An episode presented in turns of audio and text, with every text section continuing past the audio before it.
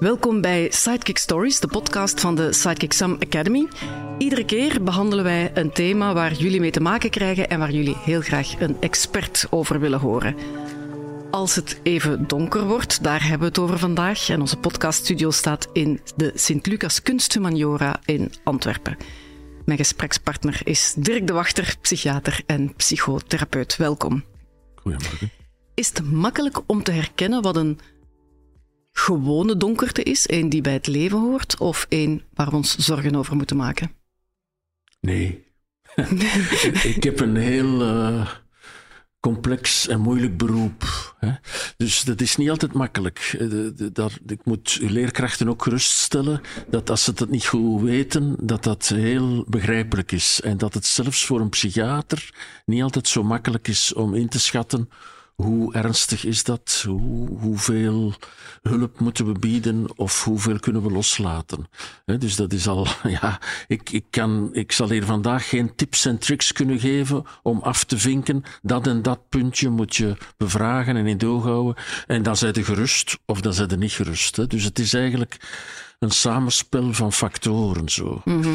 Maar daarom zijn leerkrachten ook wel uh, figuren die van belang zijn, omdat die, als het goed zit, een klas en leerlingen ook wel een beetje kennen op wat langere termijn en kunnen volgen en kunnen zien of dat er iets in de loop van het jaar niet goed evolueert. Hè? Dus, dus, het, maar het is een heel subtiele inschatting eigenlijk. Voelsprieten ja, uitsteken. excuus ja. voor dit moeilijke antwoord. Geen probleem. Ik ga nog een moeilijke vraag stellen en er zullen er nog wel moeilijke komen, denk ik. een moeilijke materie ook, Ja, ja, absoluut.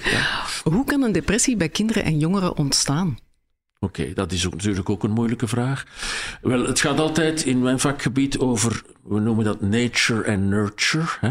Namelijk enerzijds neurobiologische factoren, die een stukje erfelijk kunnen zijn, waar sommige mensen vanuit de erfelijkheid dus uh, wat vatbaarder zijn, wat kwetsbaarder zijn voor depressie. Dus er is inderdaad een predispositie. Dat Mensen is, kunnen het van thuis meekrijgen, ja, bij manier van spreken. Ja, maar ook dat is weer heel ingewikkeld hoor. Mm -hmm. Maar goed, er zijn toch wel mensen die uh, in het gezin het goed stellen, die verder uh, geen problemen hebben, ogenschijnlijk, maar die toch gemakkelijk neigen naar donkere gedachten. Vanuit hun vanuit hun gesteldheid. Ja? Mm -hmm. Dat is één zaak. En tweede zaak, dat is dan natuurlijk als mensen traumatische ervaringen meemaken. En dat kan heel ernstig zijn in de vorm van mishandeling, misbruik. Hè? Dingen die bestaan, hè? die we toch ook moeten vermelden.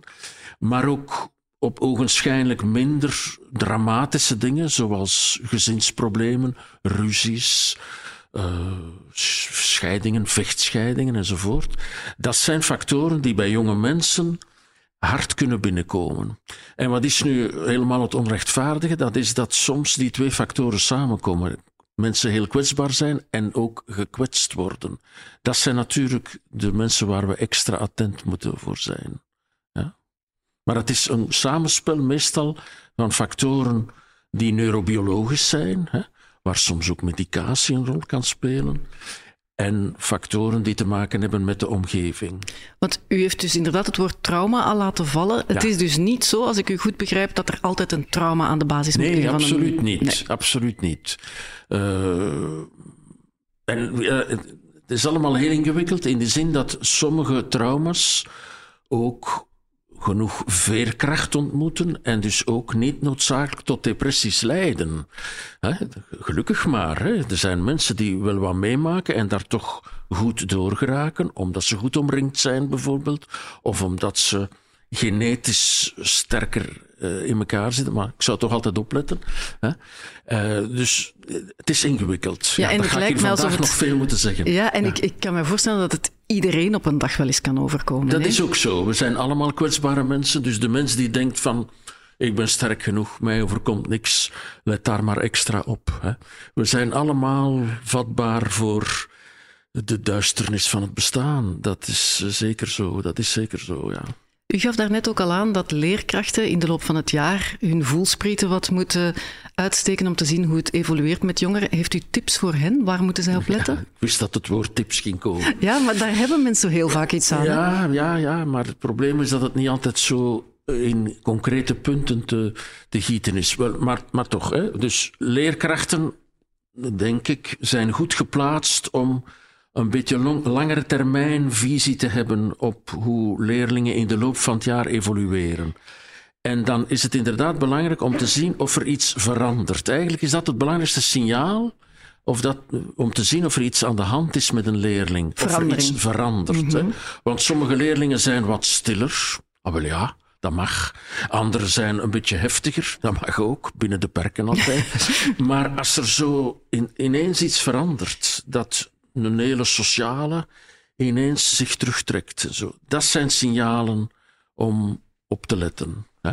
En daar zijn leerkrachten inderdaad, samen met andere mensen, want het is belangrijk om te zeggen hier in deze podcast dat we toch ook moeten opletten dat we de leerkrachten niet de enige verantwoordelijkheid geven voor de eh, volksgezondheid van de jeugd. Absoluut niet. Maar weet je, het, heet Sidekick Sam Academy, dus het, het gaat al over leerkrachten die over het algemeen al wat um, dichter bij de leerlingen staan en goed, warme leerkrachten, ik zal ze zo ja, noemen, betrokken ja, leerkrachten. Ja, heel mooi, heel goed, maar ik wil de leerkrachten ook een beetje allee, ondersteunen. En uh, ook niet alle verantwoordelijkheid geven over de geestelijke gezondheidszorg van de jeugd van Vlaanderen. Nee. Dus, maar goed, ze zijn toch, ze, zij, zij kennen leerlingen. En nogmaals, het is het longitudinale, het volgen op termijn, wat een heel belangrijke positie is om signalen op te pikken van verandering. Plotse verandering. Ineens wordt iemand stil en trekt zich terug. Ineens wordt iemand ook een signaal die altijd stilletjes in de hoek zat, heel uitgelaten. Hè? Dat is om te zeggen, tja, wat is er aan de hand? Dat is iets om op te merken. Hè? Uh, en de signalen zijn dus verandering en dat toch ook wel terugtrekken, uh, in, zichzelf gekeerd raken, plots heel slechte punten, terwijl het tevoren allemaal oké was. Hè? Signalen van andere leerlingen die zeggen van mevrouw of meneer, uh, er is iets met, met die jongen of meisje. Hè? Dat, ja. En dan ook weer opmerkzaam zijn, maar toch ook wel voorzichtig zijn. En er niet direct op springen en het dramatiseren en problematiseren. Ja, het is echt moeilijk hoor. Hè? Voorzichtig, uh, voorzichtig contact proberen te maken, zonder al te zeer ik zal maar zeggen, in een psychiatrische positie te gaan zitten. Hè? Gewoon eens even Een, een leerling apart nemen en zeggen van, oei, wat is er aan de hand? Uh, de, ik, we merken dat er een probleem is. Dan gaat iemand nog veel meer in zijn inbunkering duwen. Hè? Maar voorzichtig in, uh, tussen de les door, om het zo te zeggen, uh, in, de, in, in de wandelgangen, even zeggen van alles oké, okay, mm. of ik weet niet wat. Dus ja, proberen zo normaal mogelijk te doen. Ik spreek altijd van de gewonigheid. Hè? Dat is de beste manier om mensen te benaderen. Hè? Want heel erg in een hulpverleningspositie zitten gaat dikwijls weerstand veroorzaken. Zeker bij jonge mensen hoor. Hè? Daar zou ik inderdaad ja. op willen inspelen, want 70% van de jongeren zoekt geen hulp bij psychische ja. klachten. Dat blijkt ja. uit onderzoek van Youth in Transition van de Ik KU denk dat Leuven. het een onderschatting nog is. Ja, nog een onderschatting toch? Jongeren praten er dus niet graag over. Hoe komt nee, dat? Nee, dat is, ja, daar heb ik veel over geschreven. Wij zitten, niet alleen jongeren, maar ook volwassenen, in een uh, succescultuur, om zo te zeggen. Zeker in de Facebook- en Instagram-cultuur, in de social media, wordt er veel gepost van feestjes en van toffe toestanden. Dat mag ook, hè. En van vakanties en van... Uh, van, eigenlijk weet ik daar niet zoveel van, maar nieuwe outfits en allerlei toffe dingen. Zo, dat mag, dat is goed. Maar als iets lastig is, dan past dat niet in de cultuur van iedereen tof en fantastisch. En dan gaat men dat inslikken, dan gaat men erover zwijgen. En dat is juist het ambetante, dan gaat dat dreigend toenemen. Hè? Nu pleit ik er niet voor om de lastigheden van het leven al te zeer op Facebook te zetten voor duizenden volgers. Hè. Je wordt ook heel kwetsbaar dan. Hè? Ja, ja, ja, dat is ook weer goed, want daar kunnen ook soms heel slechte reacties op zijn. Hè. Maar, anderzijds merk je wel, als iemand bijvoorbeeld in een rouwproces zit of zo, en die posten dat, of die zeggen, ja, ik, ik voel mij even niet goed, kan er wel heel veel solidariteit komen ook. Hè? Ja, ja, ja, dat is op zijn eigen. Maar toch, in het algemeen pleit ik er nogal voor om voorzichtig te zijn met social media en om verdriet en tekort en lastigheid in vertrouwen met een klein groepje of met één iemand te bespreken. Dus leerlingen onder elkaar in de eerste plaats. Dus jongeren kunnen elkaar in de eerste plaats helpen. Ja, ja, Wel, ja, wel. Omdat die elkaar ook beter kunnen aanvoeren natuurlijk. hè. Mhm. En dan inderdaad een leerkracht, een andere volwassene uh, niet alleen de leerkrachten een beetje benadrukken. Hè. Een, uh, een, kennis van de ouders, een tante, een grootmoeder of ik weet niet wat. Hè. Dus een, een volwassen gewoon. iemand in vertrouwen nemen. En, en zeggen waar het op staat. Ja.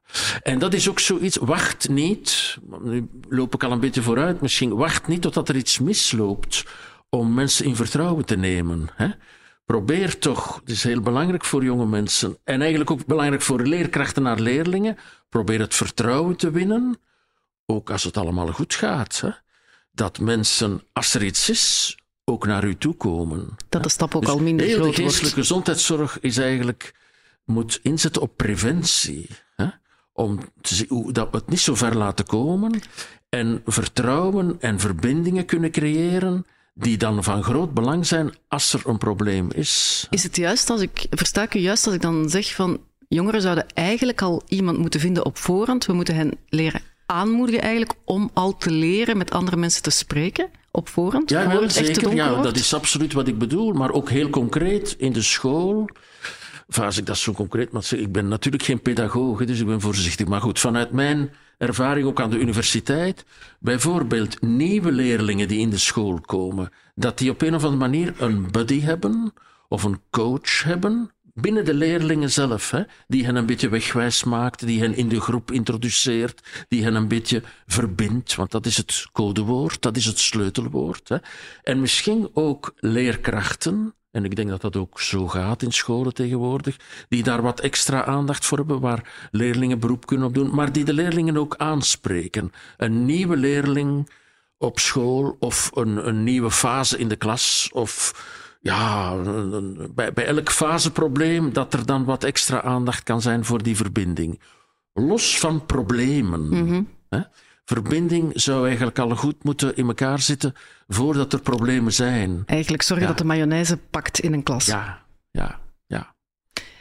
We deden ook een bevraging samen met TeacherTap en daaruit blijkt dat 35% van de respondenten zich niet in staat voelt om te helpen of in te grijpen wanneer leerlingen worstelen met depressie, automutilatie of gedachten aan zelfdoding. Hoe kun je op dat soort momenten helpen of ingrijpen als dat nodig is?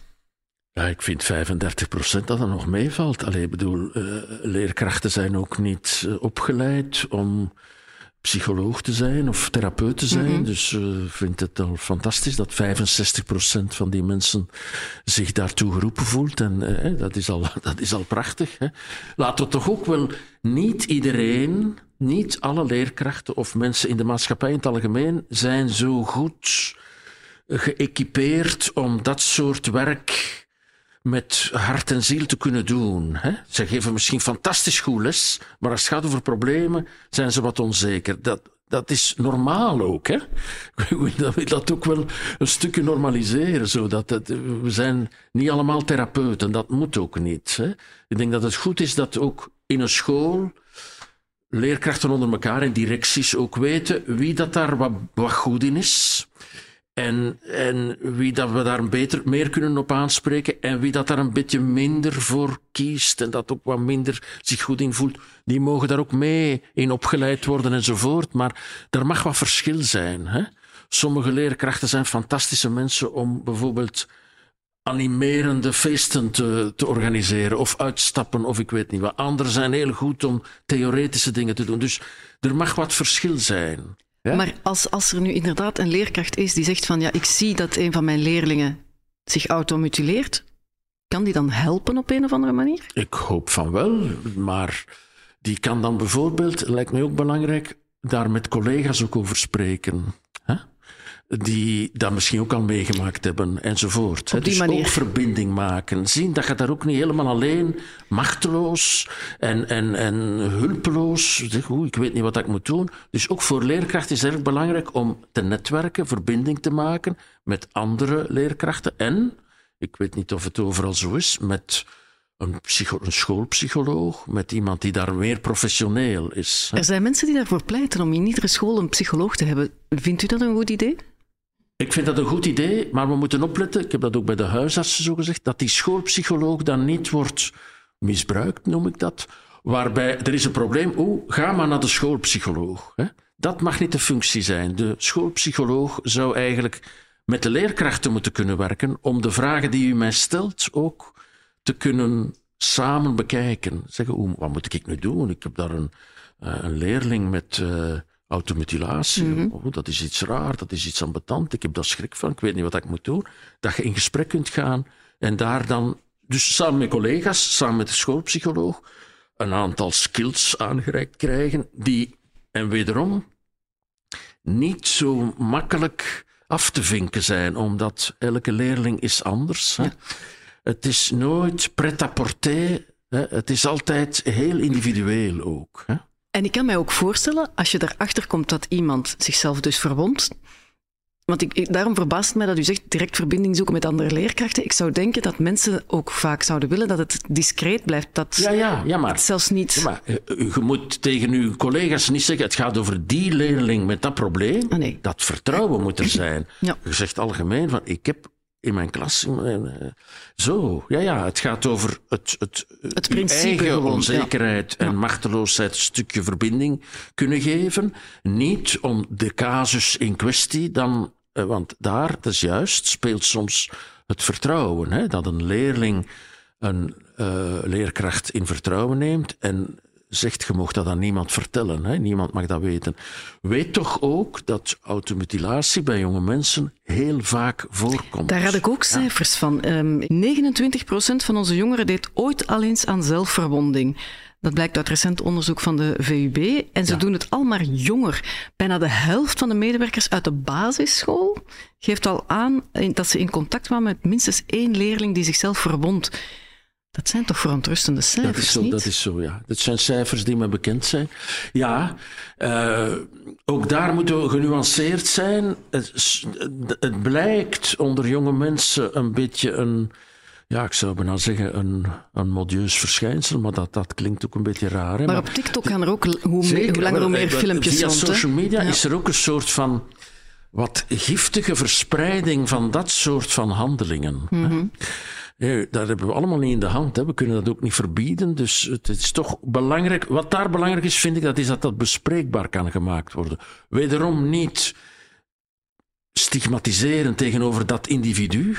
Die bij wijze van spreken vooraan in de klas moet komen staan om te laten zien. Hè, dat, Nee, dat vooral niet, Maar nee. dat gewoon het fenomeen automutilatie ook kan bespreekbaar gemaakt worden in de klas. Voordat er daar een, eh, een probleem specifiek ontstaat. Hè. Waarom doen jongeren dat, dat automutileren? Om aan te geven wat er hun niet gaat, wat er lastig is. Dat zijn allemaal hypothesen. Hè?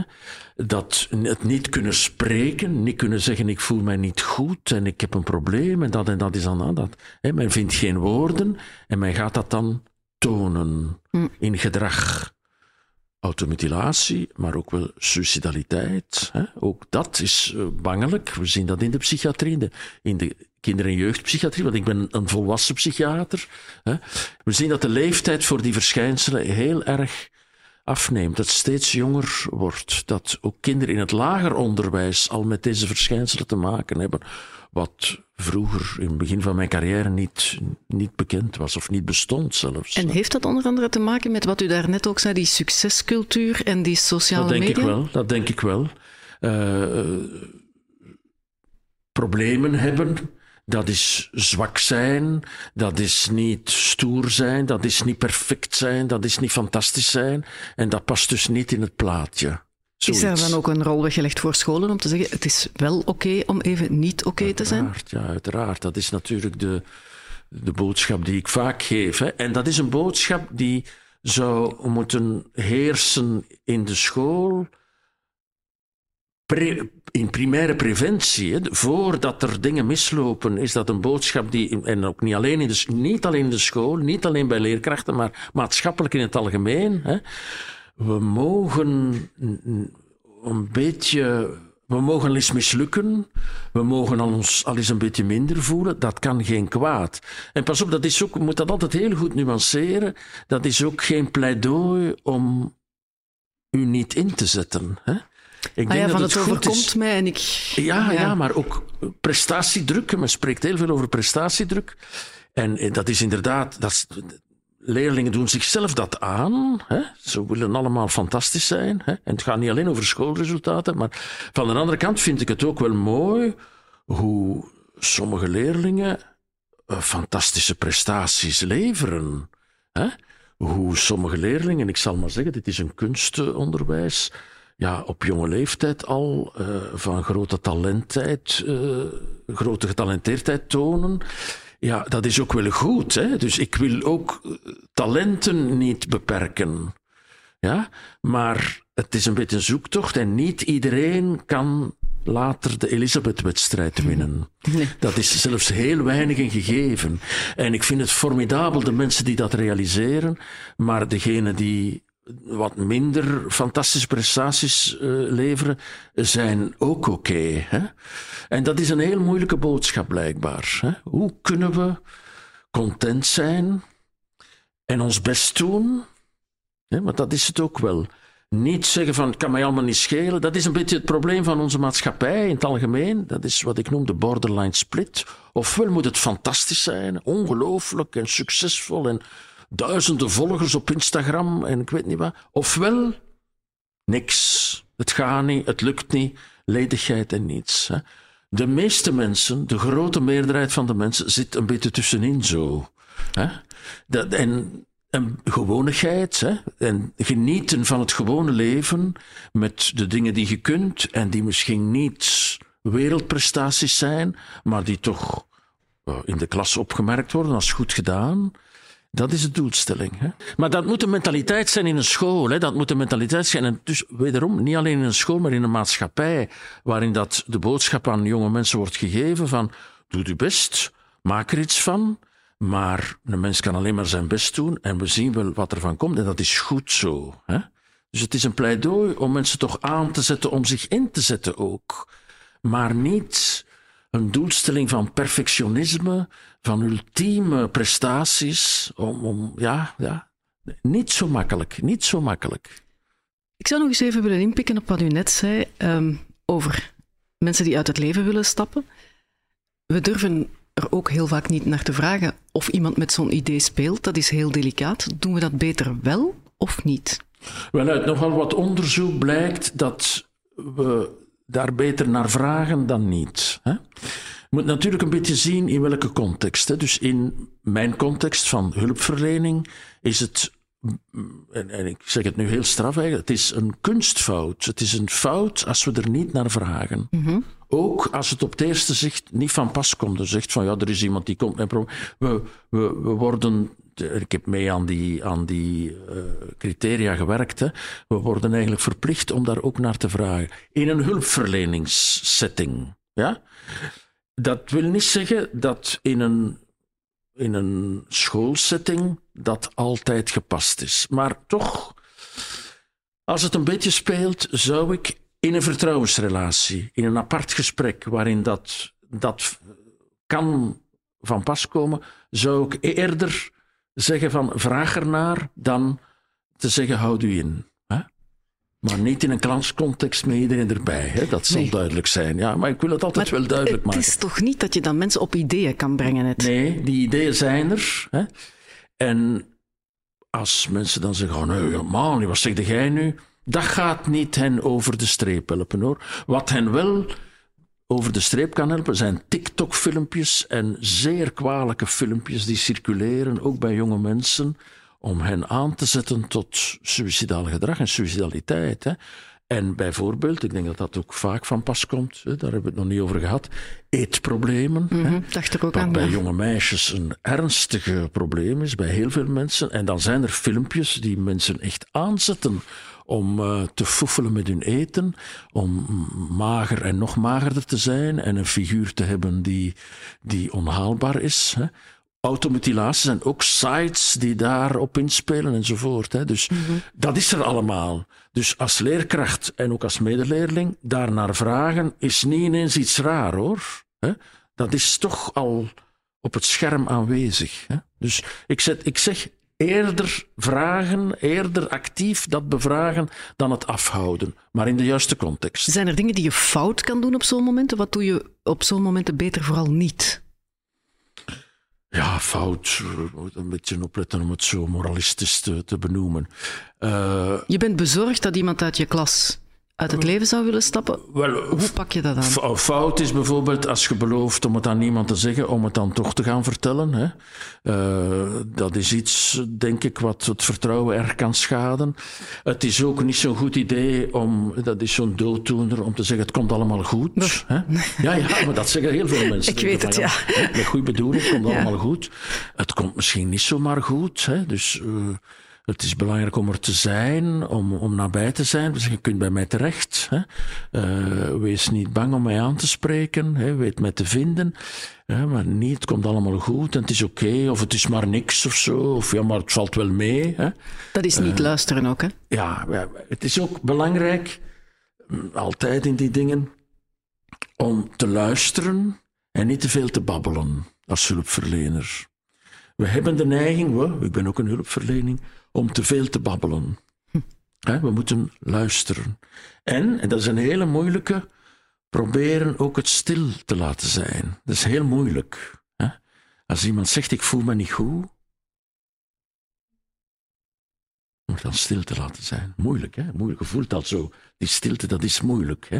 En heel belangrijk, omdat bij gebabbel, gebabbel, gebabbel wordt de essentie dikwijls wat overroeld. Zo.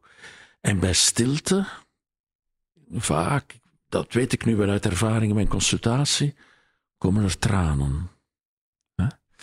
En dan is het, hoe is het ermee? Goed. Hm. Ja, eigenlijk niet zo goed. Oei, oei. Stilte. En dan ook, het is allemaal, enfin, nu ben ik toch tips aan het geven uh, tegen mijn eigen gedachten. Uh, zo tegenover elkaar zitten, hè, op een stoel alle twee zo, dat is dikwijls ook een wat bedreigende setting. En gewoon wandelen. In de wandelgangen of op de speelplaats of ergens anders, in straat of in het park. En naast elkaar zitten is soms ook een heel goed idee. Omdat er dan ja, dat is minder bedreigend. Dat is mhm. minder zo van zeg het nu eens, zeg het nu eens. Hè? En er komen soms wat meer problemen naar boven als we naast elkaar zitten of een beetje wandelen. Het is ook gemakkelijker om stilte toe te laten bij het wandelen. Kan ik me perfect voorstellen. Als we zo over elkaar zitten, we kijken elkaar in de ogen, dan is stilte vlug raar. Hè? Een setting creëren waarin dat het vertrouwen in een soort gewoonheid kan, kan bloeien. Zo. Ja. Wat kunnen jongeren voor elkaar betekenen op zulke momenten? Heel veel. Hè? Dat is wel een hele belangrijke. En dat is dus wat ik bedoel met die primaire preventie. Dat voordat er problemen zijn, en dat kunnen leerkrachten hopelijk ook wel een beetje bevorderen, ervoor zorgen dat er in die klas een sfeer kan heersen van verbinding, van voor elkaar instaan dat er bij een leerling waar we van weten dat is een beetje problematisch, omwille van, ik weet niet dat dat in deze school zo is, maar dat zal in het algemeen wel zijn, omwille van bijvoorbeeld een, uh, een andere culturele achtergrond, of omwille van, uh, ik zeg maar, een vluchtelingenproblematiek enzovoort. Te zeggen, ja, dat is wel geen gemakkelijke situatie. Dat daar dan uh, verbindende elementen spelen, zoals een, een, een coach, een buddy, hè? Uh, voordat er problemen zijn. Hè? Ik bedoel, dat we, dat we aandacht hebben voor verbinding en verschil. En dat we dat bespreekbaar maken ook. Voordat er problemen zijn. Liefst altijd voor er problemen zijn. Bespreken in de klas. En ik weet niet goed in welke vakken en in welke momenten dat dan moet zijn. Maar dat deze problemen die u noemt bestaan onder jongeren. En dat we daar dus moeten over spreken. Dus wat ik hier allemaal zeg, zou eigenlijk, daarom dat ik hier ook zit en dat wil doen, zou eigenlijk meer moeten verspreid worden in de normaliteit van het klasgebeuren. Dus opgenomen worden tijdens vakken. Ja, ja, ja. En, en, en ook misschien niet een aparte les waarin dat er... Nu gaan we vandaag het hebben over automutilatie. Oei, oei. Oei, oei. Dan gaan er sommigen hun mouwen al naar beneden halen. Hè? Maar dat tussendoor, in de, als het een beetje van pas komt, dat dat ook aangeraakt wordt. Hè? Ik, ik denk dat leerkrachten, dat is natuurlijk het is een fantastisch beroep, maar ook niet zo makkelijk beroep, dat ze ook moeten proberen buiten hun strikte vakgebied breed verbindingen maken met andere thema's die van belang zijn voor jonge mensen. Hè? Als het gaat over geschiedenis, dat er ook wordt gesproken over de veranderingen die maatschappelijk daar zijn en het feit dat er tegenwoordig bijvoorbeeld mensen zijn die zich kwetsen, dat er vroeger uh, dat dat anders was enzovoort. Allee, dus dat dat in de gewone gang van zaken aan bod komt en bespreekbaar kan gemaakt worden. Stel dat een leerling iemand anders in vertrouwen neemt en zegt van kijk, ik, ik kwets mezelf of ik uh, ben van plan om uit het leven te stappen. Hoe ondersteun je dan zo'n leerling die in vertrouwen is genomen, zo'n buddy waar u het over had? Uiteraard, dat is een goede vraag. Dat die andere leerling, dat is natuurlijk een moeilijke, hè, want die moet in vertrouwen en die kan daar niet over spreken, niet rechtstreeks. Hè. Maar dus in een klas met een goed netwerk, wordt dat wat opgevangen, omdat de, de, de leerling die in vertrouwen genomen is ook niet helemaal alleen staat. En die kan, zonder over deze zaak te spreken, toch wel terecht bij andere leerlingen en misschien ook bij een leerkracht, om te zeggen, ja, soms, soms weet ik niet goed wat ik moet doen. Hè? Wat dat heel normaal is. Hè? Dus ook voor leerlingen, maar ook voor leerkrachten het is normaal dat je niet altijd zo goed weet wat je moet doen. Deze psychiater, professor aan de universiteit, weet ook niet altijd zo wat hij moet doen. Hè? Hoe is dat dan bij u als er een patiënt in uw praktijk komt die zich snijdt, die zich verwondt? Wel belangrijk om te zeggen, dat is dat bij een professionele hulpverlener, zoals ik toch moet zijn, dat het daar ook niet allemaal zo duidelijk is. Hè? Dat het niet weten en daar onzeker in zijn en niet altijd directe oplossingen en antwoorden hebben, dat is eigen aan heel deze problematiek. Dus als leerkrachten zeggen van, goh, ik weet hier niet goed wat ik moet zeggen. Wees gerust, ik ook niet altijd. Hè? Dus wat dat heel belangrijk is, dat is verbonden blijven, verbinding blijven maken, aanwezig zijn en niet altijd directe antwoorden hebben, want die zijn er ook niet. Hè? Zeggen van, ah, dan moeten dat en dat doen en dan is het opgelost. Dat is, dat is, komt goed. Hè? Dus, dus het, het is een hele moeilijke hoor, maar de machteloosheid kunnen dragen is eigenlijk een heel belangrijke positie. Van degene die kampt met. Ja. En dan, en dat is dan belangrijk, dan moet de hulpverlener, in mij, de, de psychiater, maar ook de leerkracht of de medeleerling, ook goed gedragen zijn. Hè? Om die machteloosheid ook niet helemaal alleen te dragen. Want anders gaan we niet alleen één probleem, dan gaan we twee problemen krijgen. Hè? Ja. Dan gaat de leerkracht in burn-out geraken, of de psychiater. Hè?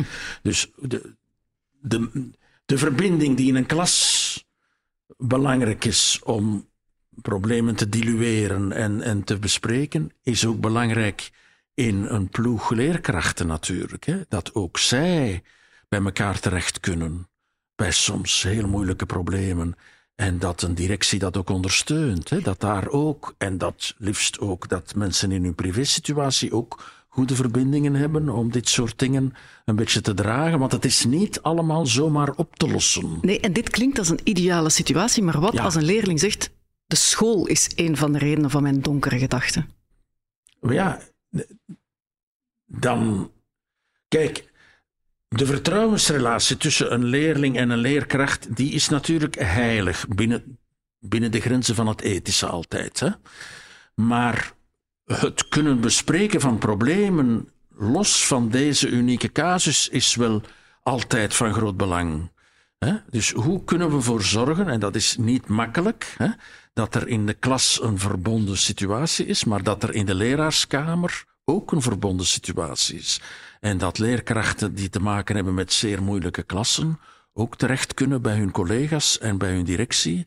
En bij de schoolpsycholoog, nogmaals, hè, die niet zozeer moet dienen om bij een leerling met een probleem is te gaan spreken, apart, maar die vooral moet dienen om samen met leerkrachten te kijken van hoe pakken we dat aan, wat doen we hier, hè, hoe voelt je u daarbij, enzovoort. Zijn er instanties waar leerkrachten terecht kunnen? En ruimer dan dat, zijn er andere organisaties waar ze mee kunnen samenwerken bijvoorbeeld?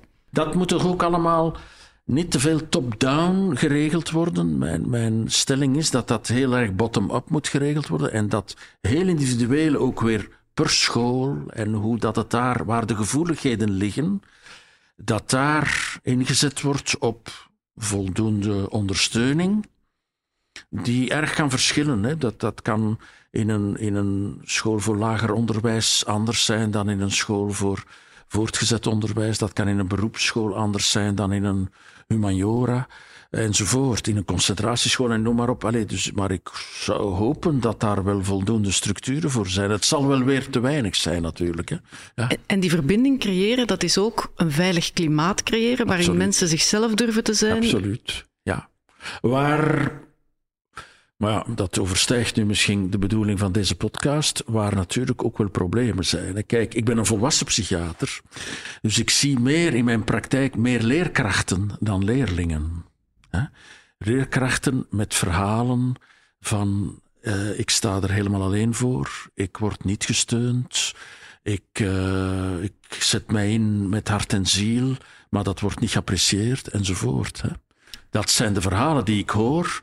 En uh, ja, dat zijn de signalen die ik ook wil geven aan, aan het onderwijs en directies enzovoort. Dat dat hè, erg belangrijk is. Het zijn ook vaak, niet alleen, maar toch vaak leerkrachten die zich heel erg inzetten. Mm -hmm. En die juist heel erg dat op zich nemen, namelijk het vertrouwen van leerlingen enzovoort.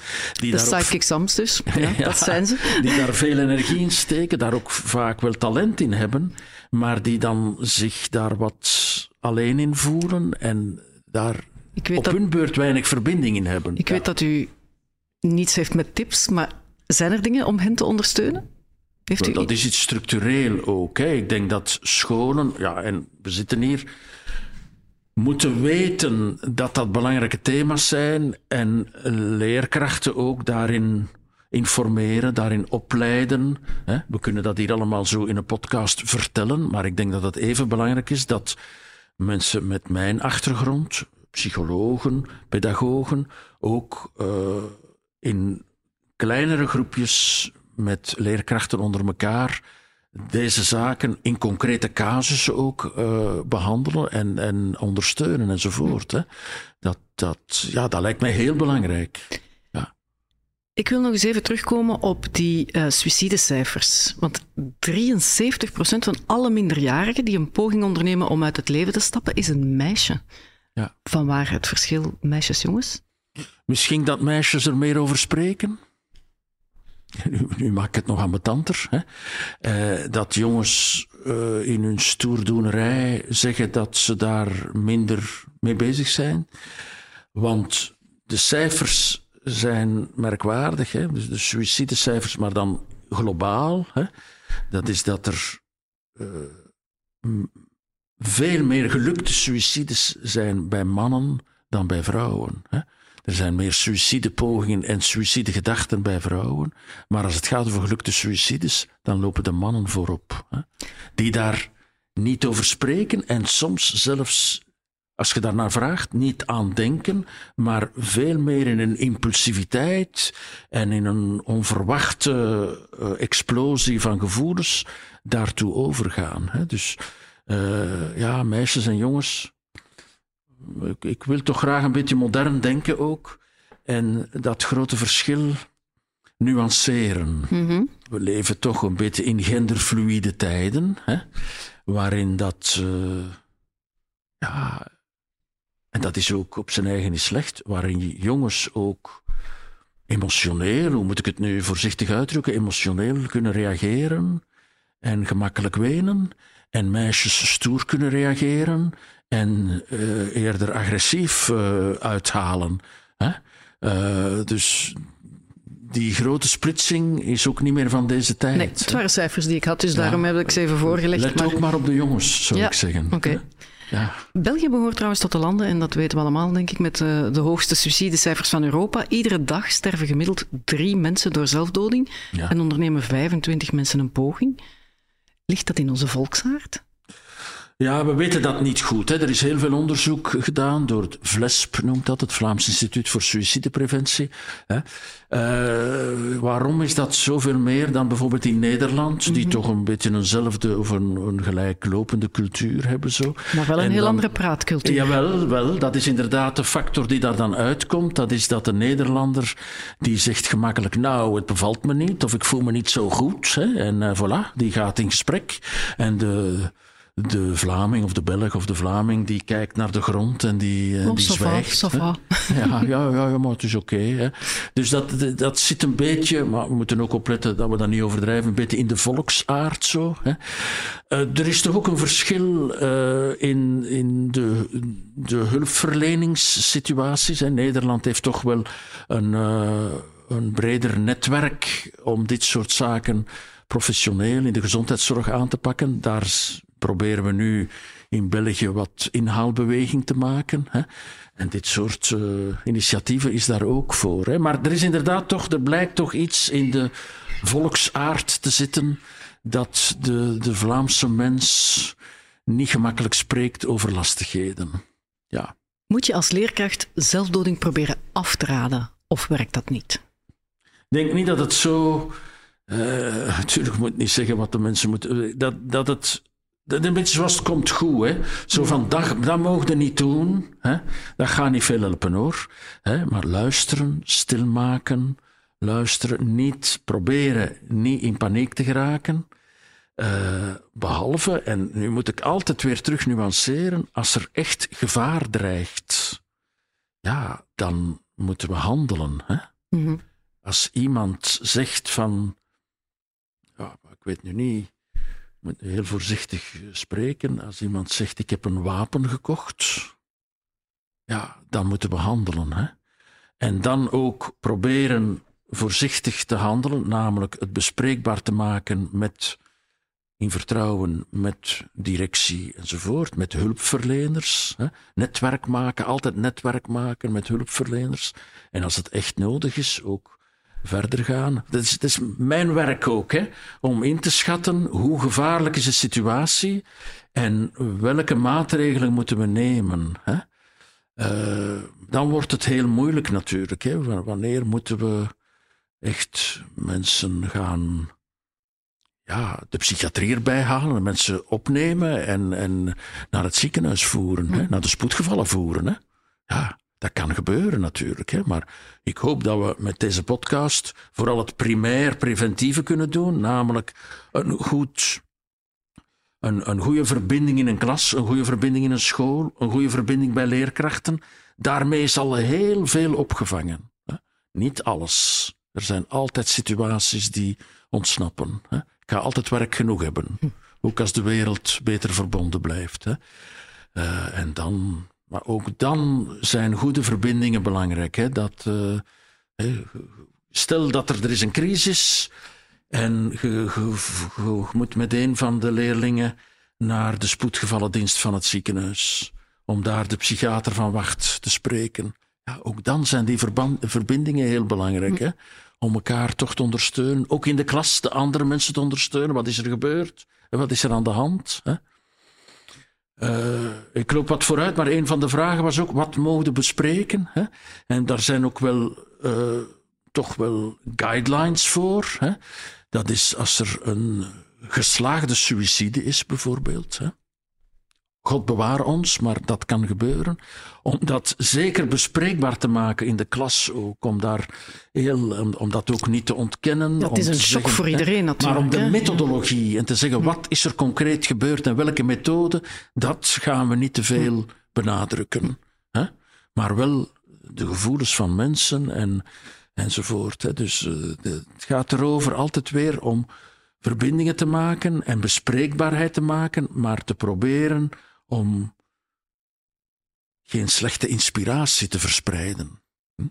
Makkelijker gezegd dan gedaan. Ja, het is een heel delicaat evenwicht, Absoluut, lijkt mij. Absoluut, ja.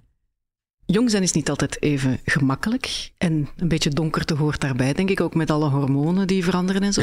Hoe was dat bij u? Was, had u daar veel last van vroeger als jongere? In mijn hormonentijd. Ja, had u veel last van, van donkere gedachten? Ja, dat is nu heel persoonlijk natuurlijk. Hè? Maar eh, wel, ik moet niet overdrijven. Ik ben nooit suicidaal geweest, om dat zo te zeggen. Maar ik heb die gedachte ook wel. Ik ben een psychiater. Hè? Waarom wordt een mens psychiater? Dat heeft toch ook te maken met het feit dat je ergens voeling, enfin bij mij in ieder geval voeling hebt met de duisternis van het bestaan. Ja, ik kom uit een gedragen en liefdevol gezin, dat is een chance. Hè? Maar als jonge gast was ik toch wel wat op mijn eigen ook bijvoorbeeld. En ik ging fietsen zo op mijn eigen en ik las boeken en ik speelde gitaar en ik, uh, was, op mijn, ik was heel erg op mijn eigen als puber. En dat leek niet zo, want ik had wel vrienden op school in de jeugdbeweging, dus ik leek wel sociaal, maar ik was op mezelf eigenlijk nogal ja, eenzaam. Uh, het ging wel hoor, het ging wel. Maar ik, ik, dat is misschien goed als psychiater ook, dat ik mij toch wel een stukje kan inleven in de gevoelens van mensen waarbij dat, dat dan uh, problematisch zou worden. Wat deed u om donkere gedachten te verdrijven? Gitaar spelen. Ja. Muziek. ja. ja. Uh, en dan vrienden. Ik had wel goede vrienden, hè. Ik, die, maar ik heb daar nooit over gesproken met vrienden. Het feit dat ik mij soms toch wel. Al ja, nee, dat was geen gespreksonderwerp. De tijden waren ook anders. Ik ben al niet meer zo jong niet meer. Hè. Dus dat, was, dat bestond helemaal. Ik kom uit een klein dorp ook. Ik vond het daar zo kneuterig en zo beperkt en zo. Uh, ja, ik dacht, ik wil hier weg. Ik wil hier weg heb ik dat ook gedaan. Ik ben gaan studeren in Antwerpen en de stad heeft mij een stukje bevrijd van die. Van, dat is nu al heel persoonlijk allemaal. Maar, maar dus ja, ik heb daar geen leerkracht van in vertrouwen genomen. Ook omdat het was nu ook niet van die aard dat ik uh, tot gevaarlijke dingen zou in staat zijn. Maar ik moet wel zeggen, dat zeg ik nu wel graag. Uh, in het vijfde jaar van de Humajora had ik een leraar Nederlands die sprak over de boeken die we moesten lezen. Zo. Uh, en, en dat is echt heel belangrijk, hij sprak ook over een boek waarvan hij zei, daar zijn jullie nu nog te jong voor, maar dat gaat je later wel appreciëren. En dat was het boek De Avonden van ja, Gerard Reven. Ja. ja. Ik ben diezelfde avond dat boek in de bibliotheek gaan halen. Hè? Uh, ja, zo gaat dat dan. en ik, dat boek was fantastisch, want het personage in dat boek, Frits Echters, die is ook helemaal op zijn eigen. Mhm. Mm -hmm. Helemaal. En ik herkende mij daar zo ongelooflijk in. Echt waar, dat was fantastisch.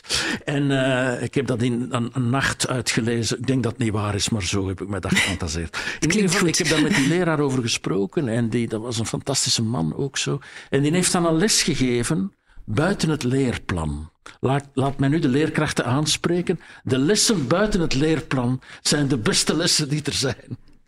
En een les over Freud, Jung en Adler. En over de psychologie van de mens. Over ja, ook theorieën die nu een beetje achterhaald zijn, maar toch. Die man, ik, ik ben hem nog altijd dankbaar. Hij heeft mij onlangs een brief geschreven. Want ik had dat verhaal ook ergens verteld in de, in de media. En hij is mij ja, zeer genegen. En dus ik, toen ben ik psychiater geworden. Door die les van die leerkracht. Dus, allee, dus, en ik heb niet met die man over problemen gesproken. En hij ook niet met mij. Maar onrechtstreeks is die van levensbelang geweest in mijn carrière. Enfin, ik weet niet wat ik anders zou gedaan hebben. Voetbaltrainer in ieder geval niet, want die kon niet shoppen. maar, maar die leerkracht heeft toen een snaar geraakt, heeft iets kunnen betekenen voor mij, heeft ook goed geluisterd. Hè? Ik dacht, dat boek, dat is zo raar, jongen. Ik versta die Frits Echters, dat is formidabel. Zeg, maar ik zal eens een les geven. Hè? En voor mij, voor mij alleen, die les. Nee, dat was voor heel de klas, was voor iedereen interessant, misschien voor sommigen niet. Maar lessen buiten het leerplan zijn interessant. Ja, dus dat is voilà. een van de dingen die volwassenen kunnen betekenen voor jongeren op dat ogenblik. Ja, ah, wel ja, dus het is toch, ik wist nu niet dat u zo persoonlijke vragen stelde, maar het is toch een goede illustratie van hoe zonder te spreken over problemen, zonder daar al te veel op in te gaan, we moeten ook opletten dat we door te problematiseren het ook nog niet verder vast laten rijden. Hè? Maar dat we via ja, de lessen, in dit geval de lessen Nederlands, ook voldoende breed kunnen, kunnen uh, reiken naar de belangstelling van leerlingen en, en kijken van tja, wie, wie, wie vindt dat interessant. Ik, ben, ik heb altijd heel erg geïnteresseerd geweest in literatuur, van jongs af aan eigenlijk. Dus ja, dat is een voorbeeld daarvoor. Want hier zitten we natuurlijk in een kunsthumaniora. En u ja. zei daarnet ook al gitaar spelen, literatuur. Dus kunst kan ook helpen, bijvoorbeeld, oh, in ja, dit geval. maar natuurlijk. Ja, ja. Voor mij zeker. Hè. Je hebt nog, nog een, dat was nu voor mij niet, niet zo wezenlijk, maar ik denk voor sommige andere leraren wel. Dat was de leraar wiskunde. Echte leraar wiskunde, een droge man zo. Bijzonder saai. Ik zat in Latijn wiskunde. Hè. Ik kon wel wiskunde, daar niet van, maar, maar ja, saai. Ik had een negen uur wiskunde, dat kun je niet meer voorstellen. Ik zou het nu niet meer overleven, maar toen was dat zo. Hè. En die leraar wiskunde, die gaf ook één les, het is echt waar, het is nu omdat je het vraagt, over Rubens. Want het was, ik denk 1977, het Rubensjaar. Rubensjaar ja. En die leerkracht, wiskunde, droog, droogstoppel, die bleek een ongelooflijke fan te zijn van Rubens. En die gaf één les over Rubens. Iedereen keek met belangstelling, iedereen was gefascineerd. En hij benaderde dat wiskundig. Mm -hmm. hè? Dus ja, het was, ik vond dat ook fantastisch. Dus die schilderijen van Rubens, die hebben ook allemaal de gulden snede en allerlei wiskundige modellen. Ik, ik, ik, wist niet wat ik hoorde, maar formidabel interessant. Ook weer de les buiten het leerplan was zeer interessant. Ja. Helikopterview. Ja. Iets waar we het nu nog niet over gehad hebben en wat ik toch even kort wil aanraken. Kunnen dieren ook een rol spelen, een therapeutische rol voor jongeren met donkere gedachten? Hoe bedoelt je juist? Een hond die kan troosten? Of, ja, ja, of, ja. ja, ja. Uh, ik spreek wat dat betreft over strelingstreven. Hè? De Nederlanders spreken over huidhonger. Ja. Hè? Maar het is erg belangrijk om in het leven, hè, het gaat nu niet alleen over het onderwijs hoor, maar om elkaar aan te raken. Hè? En, en om elkaar te voelen. Hè? En sommige mensen zijn op dat gebied wat minder nabij en hebben, zijn wat meer op hun eigen. En dieren zijn heel goede strelingen. Dus, dus, en, en, en geven ook een soort nabijheid en een soort van, van gehechtheid, want daar gaat het ook altijd over, die toch bij het soms een beetje tekort aan mensen een belangrijk alternatief zijn. Maar natuurlijk ook niet het enige alternatief, want moet het natuurlijk nog uitproberen. De dieren spreken niet zoveel. Ze kunnen stiltes laten vallen. Ja. Als je aan uw hond vraagt, uh, wat vind jij ervan? Dan zegt hij woef.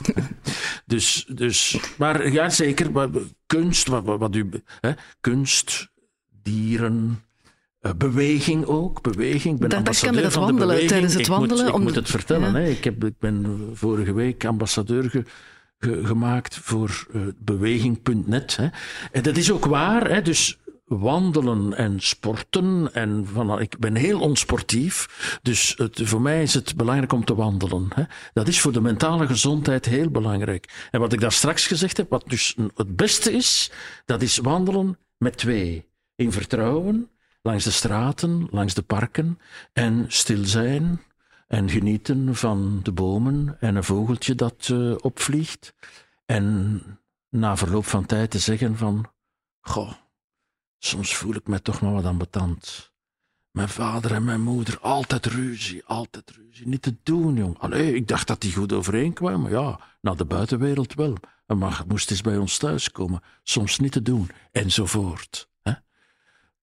Dus dat allemaal combineren. Want muziek is belangrijk, hè? maar als iedereen met zijn koptelefoon in zijn eigen bubbel blijft zitten, dan is dat weer contraproductief. Hè? Wegverbinding. Dus, ja, absoluut. Ja, ja. Samen muziek maken, dat is het schoonste dat er is. Hè? Dus ik heb te weinig talent om daarin verder te gaan, anders had ik hier anders gezeten natuurlijk. Hè? Maar, maar uh, ik heb toch het genoegen gehad om te kunnen muziek maken af en toe met mensen met veel meer talent dat is van het plezantste dat er bestaat zo. Omdat je dan op een non-verbale manier ook die verbinding kunt maken. Via muziek. Ja, voor mij was muziek in mijn jeugdjaren ook wel heel belangrijk. Zo, ja. ja. Ik zou deze podcast willen afronden met één vraag nog. Kan donkerte mensen sterker maken? What doesn't kill you makes you stronger. Hè? Dat komt van Nietzsche oorspronkelijk. Ik ben daar wat voorzichtig in. Ik denk dat uh, als de donkerte leidt tot verbinding, dan is dat een heel goede zaak. Want de verbindingen die ontstaan in moeilijke momenten zijn veel kostbaarder dan de verbindingen die ontstaan in partytime. Dat zeg ik altijd zo. Feestjes en vakanties en elkaar daar leren kennen, dat is goed en ik heb graag veel daarvan. Maar als er een moeilijk moment is en dan is er iemand nabij, dat zijn vaak verbindingen die veel hechter zijn en soms voor het leven zijn. Mm Dus dat wel. Maar ik pleit toch ook niet voor veel donkerte hoor. Zware problemen hakken er soms diep in en blijven ook littekens en kwetsbaarheden. Dus ik moet daar toch ook wel een beetje voorzichtig in zijn. Maar de donkerten die onvermijdelijk zijn in het bestaan, ook in bijvoorbeeld mijn bestaan, dat voor de rest goed verloopt. Ik, ik, ik, heb, ik, ben een, ik heb veel chance in mijn leven, hè? maar ik ben erg ziek geweest, bijvoorbeeld. Het, dat, dat mensen die u dan nabij zijn, u komen zien, en je verschiet daar soms van. Mensen dat je het niet van verwacht had, die dan heel veel betekenen, dat blijft heel erg bij. En andere mensen dat je verwacht had van, tja, daar hoor ik niet veel van. Nee, moeilijke momenten zijn wel uh, betekenisvolle periodes om te zien wie is er nu voor mij. Ja? En die verbindingen zijn, eh, that makes you stronger, hè? zeker en vast. Maar te veel lastigheid is niet goed voor een mens hoor. nee. Wie vragen heeft over zelfdoding kan terecht op het gratis nummer 1813 en op de zelfmoordlijn 1813.be. Dank u wel, Dirk de Wachter, om uw kennis over donkerte te willen delen met de Sidekick Sam Academy. En dank je wel ook aan Sint-Lucas in Antwerpen om ons hier te ontvangen. Bedankt.